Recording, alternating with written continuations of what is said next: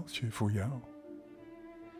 En uh, ik denk dat we eerst maar even lekker onder de dekens moeten gaan liggen. Doe je dat? En heb je je ogen niet dicht? Ja, heerlijk hè?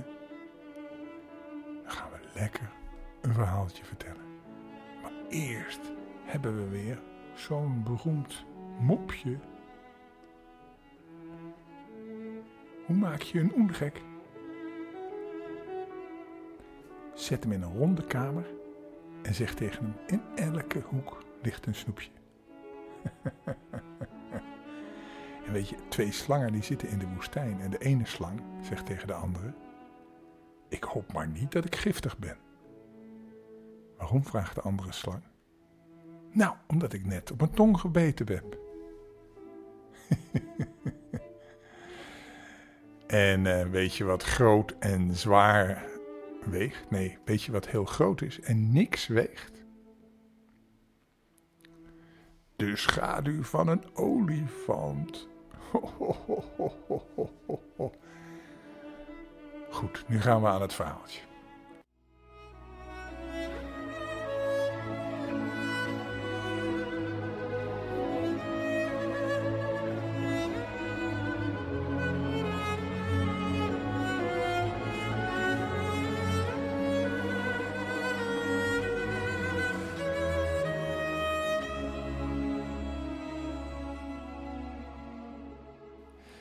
Verhaaltje is een sprookje, een Nederlands sprookje uit Friesland. Het is een heel lang sprookje, dus we doen het in stukken. We beginnen nu met deel 1. In Dokkum stond een huis. Daar gebeurden vreemde dingen. Er woonden een man en een vrouw. En een moeder die bij haar getrouwde dochter was ingetrokken. Het gerucht ging dat de man vaak dronken thuis kwam en dan zijn vrouw sloeg. De oude vrouw had haar vaste plaats aan het raam, vanwaar ze de voorbijgangers kon zien langskomen. Iedereen groette haar, van de burgemeester tot de jongste slagersknecht, want ze werd door iedereen in het dorp gerespecteerd. Ze had nooit een mens ter wereld bedrogen. Echt niet. Nooit iemand. Ze had nooit gelogen. Ze had medelijden getoond met arme zwervers die bij haar aan de deur klopten. Op de voorhoofden van alle oude mensen staan rimpels.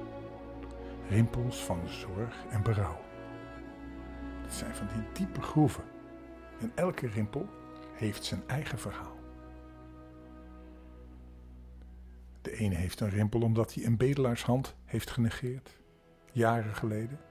Dan is er nog een rimpel omdat men zijn vriend verraden heeft uit geldzucht of uit onnadenkendheid. En soms is er een diepe rimpel die verraadt dat men zichzelf heeft verkocht. Dit zijn de rimpels van degenen die gezondigd hebben.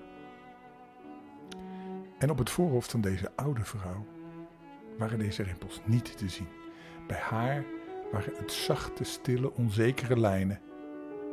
Groeven kon men ze niet noemen, zo weinig diep waren ze. Bij haar waren het de rimpels van een eervol leven. Nu ze oud was, zag men een warnet van deze rimpeltjes op haar voorhoofd. En als ze even opkeek, terwijl ze op zat te lezen met de Bijbel op haar schoot. Ze droeg een grote uilenbril om beter te kunnen lezen. Al vijftig stappen voor het huis dacht iedereen die bij haar voorbij kwam: straks zie ik die oude vrouw, die altijd zo vriendelijk groet. Toen kwamen de dagen dat ze niet meer glimlachte. Wel las ze de Bijbel, maar niet meer met blijmoedigheid. Wat ging er in het huis om? Waarom kwamen er zulke diepe rimpels in haar voorhoofd? Ze durfde bijna niet meer te groeten van haar plaats achter het raam. Het was of haar ogen achter de grote uilenbil smeekten. Ga liever mijn huis voorbij. Doe of ik niet besta. Mijn pijn is te scherp. Groet mij niet. Men kon haar raam niet voorbij gaan zonder haar toe te knikken. Dan boog ze eerbiedig het oude hoofd. Want ze wilde natuurlijk niet graag iemand beledigen. Zelfs nu niet, nu ze voelde dat ze spoedig zou gaan sterven. Het verdriet was in haar bloed als langzaam werkend gif. Ze verlangde naar rust. Rust die ze alleen maar op het kerkhof zou vinden. De mensen waren zich er niet bewust van dat op een oude dag de oude vrouw niet meer achter haar raam zou zitten. Zij was de spil van het huis. En als zij er niet bleef om orde en toezicht te houden, kon men in dit huis alleen rampspoed en ellende verwachten. Hoe vreemd het ook schijnen mag, de oude vrouw kon het minst van allemaal worden gemist. En toch bemoeide ze zich nergens mee. Zolang het zonlicht scheen, zat ze bij het raam. Als de avond viel, ging ze rusten.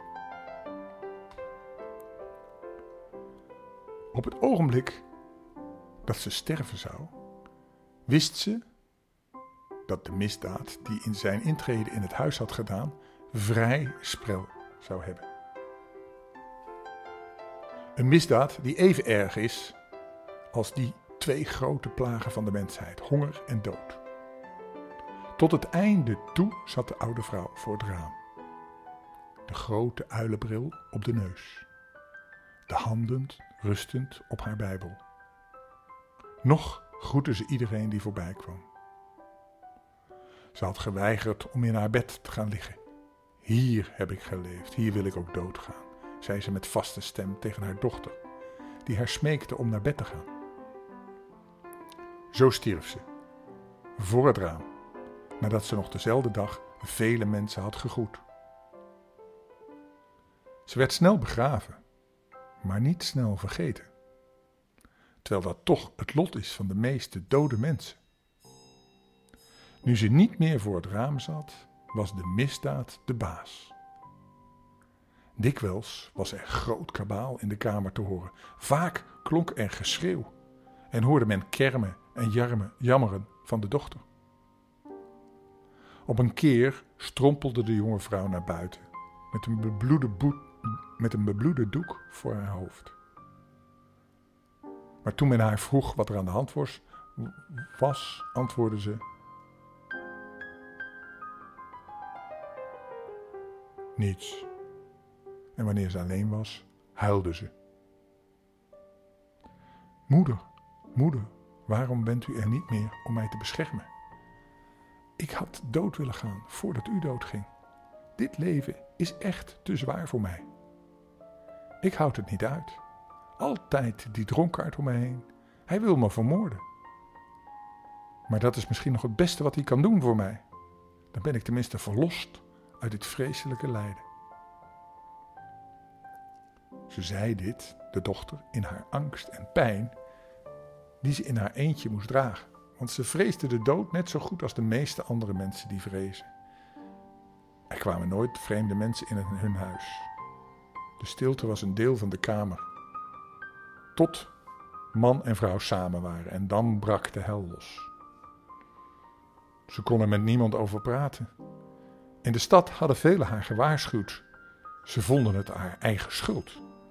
Ze had tenslotte niet met deze dronkenlap hoeven te trouwen. Er waren jongens genoeg geweest die haar graag tot vrouw hadden willen hebben. Waarom had ze nu juist de verkeerde uitgekozen? Ze had vrijers te kust en te keur gehad. Maar ze had haar zinnen gezet op die ene. En niemand kon haar ervan weerhouden. O dwaasheid der jeugd. Dat kon toch niet langer meer duren. Maar hoe zou er nou een einde kunnen komen aan deze situatie? Op een goede dag kwam iemand het huis voorbij. Hij keek naar binnen. En toen stond hij plotseling stokstijf stil en zijn hand sloeg een paar tellen over.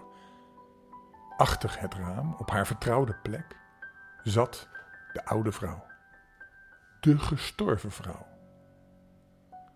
Op haar neus droeg ze de grote ronde uilenbril en op haar brede schoot lag de Bijbel.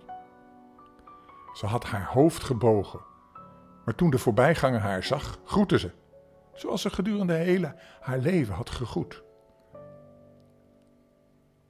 En op dat moment kwam de jonge vrouw naar buiten om uit de regenton water te scheppen.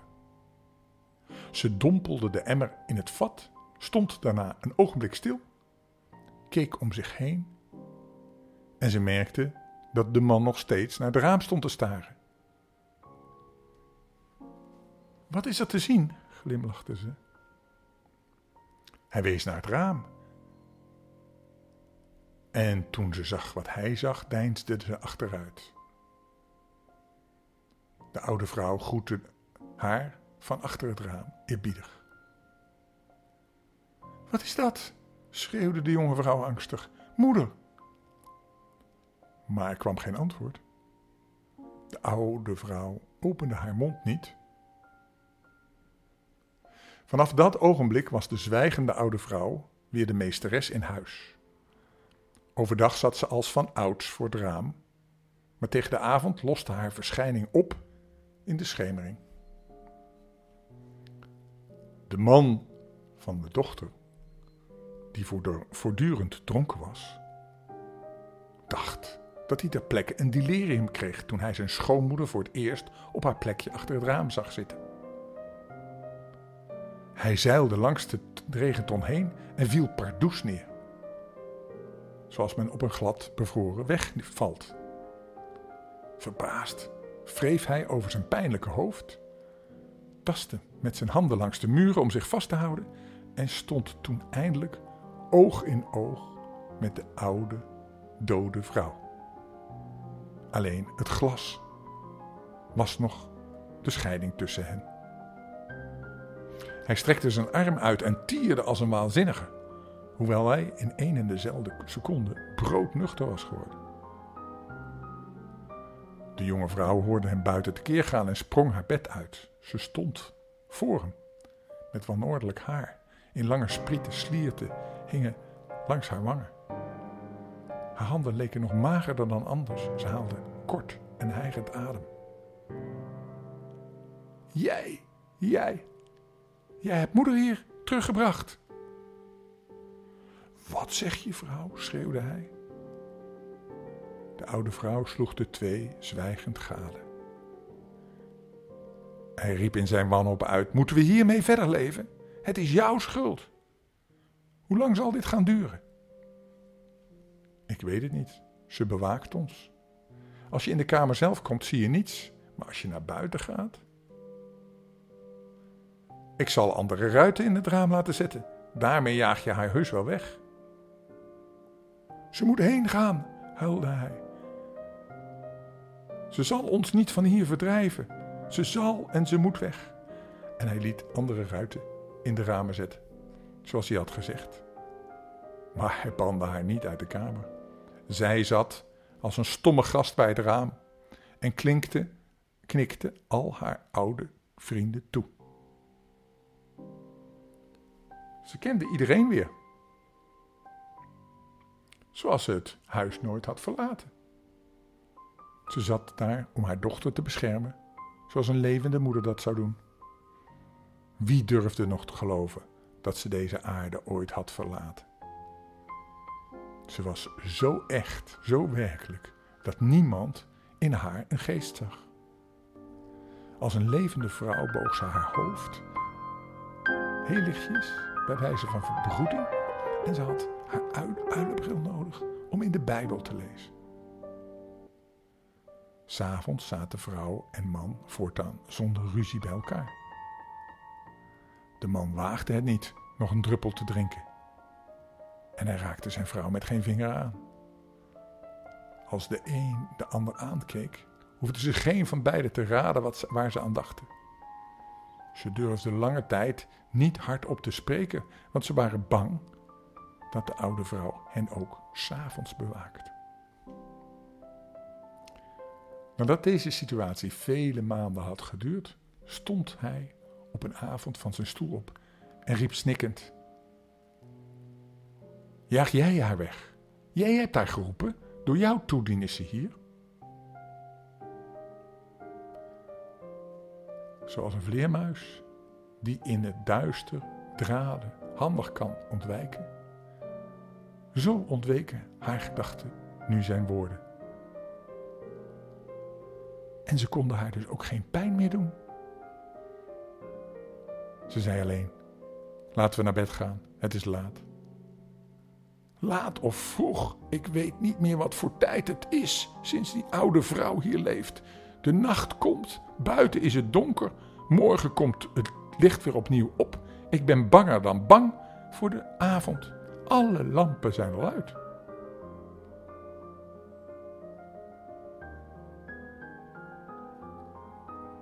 De onze brandt nog. Al zal ze de dag niet tegen kunnen houden, wat kan de dag wel tegenhouden? riep de dronken man radeloos uit. Ik ga alleen. En ze blies zorgzaam de lamp uit. En ging naar bed. Dit is wel een spannend verhaal, vind je niet? Morgen moeten we er maar verder naar luisteren. Het is wel goed, hè, dat die oude vrouw haar dochter beschermt tegen die dronkenlap die haar slaat. Lekker gaan slapen, hè? Tot morgen. Wel trusten. Dag.